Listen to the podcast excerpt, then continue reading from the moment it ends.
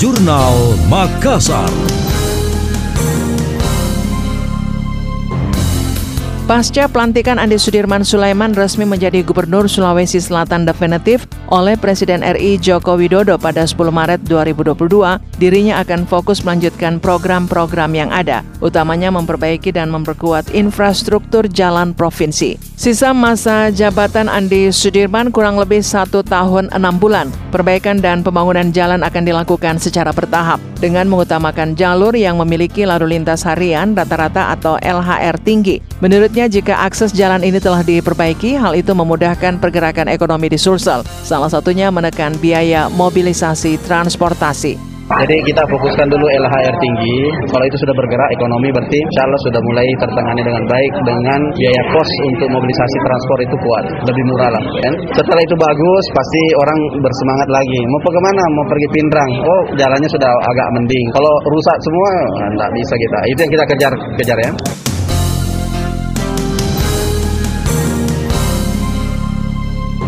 Andi Sudirman pun menegaskan tidak ada program dan pembangunan yang ditinggalkan, hanya saja dikerjakan secara bergiliran menyesuaikan kemampuan keuangan Pemprov Sulsel. Salah satu perbaikan akses jalan yang akan dirampungkan Pemprov Sulsel tahun ini adalah ruas di Jalan Tun Abdul Razak Hertasning. Ruas jalan tersebut sebelumnya rusak parah dan rentan tergenang air sehingga meningkatkan resiko kecelakaan. Anda masih mendengarkan Jurnal Makassar dari Radio Smart FM. Ketua Komisi A DPRD Sulsel Sele KS Dale mengingatkan Andi Sudirman Sulaiman berhati-hati dalam merekrut tim gubernur untuk percepatan pembangunan TGUPP. Sebab polemik TGUPP pernah membawa Profesor Andalan berhadapan hak angket DPRD Sulsel pada awal pemerintahannya tahun 2019 lalu. Legislator Partai Demokrat itu juga mengungkapkan ada sejumlah orang di sekitar Andi Sudirman mesti dibersihkan. Sele menilai Andi Sudirman tidak menyadari terlalu banyak energi energi negatif yang melekat di sekelilingnya.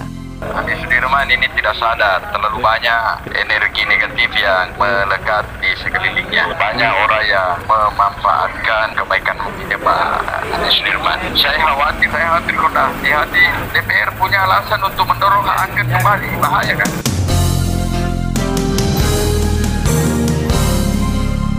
Saleh juga mengingatkan Sudirman harus memperhatikan administrasi pemerintahan dan tidak boleh ceroboh. Ia melihat TGUPP yang diangkat Sudirman punya banyak masalah. Ia khawatir jangan sampai Andi Sudirman tidak pernah bertemu langsung dengan semua TGUPP-nya dan sebatas menandatangani SK pengangkatan. Saleh menegaskan pemerintahan esensinya tertib administrasi. Oleh karena itu dibentuk ilmu pemerintahan dan hukum tata negara supaya administrasi pemerintahan berjalan dengan baik.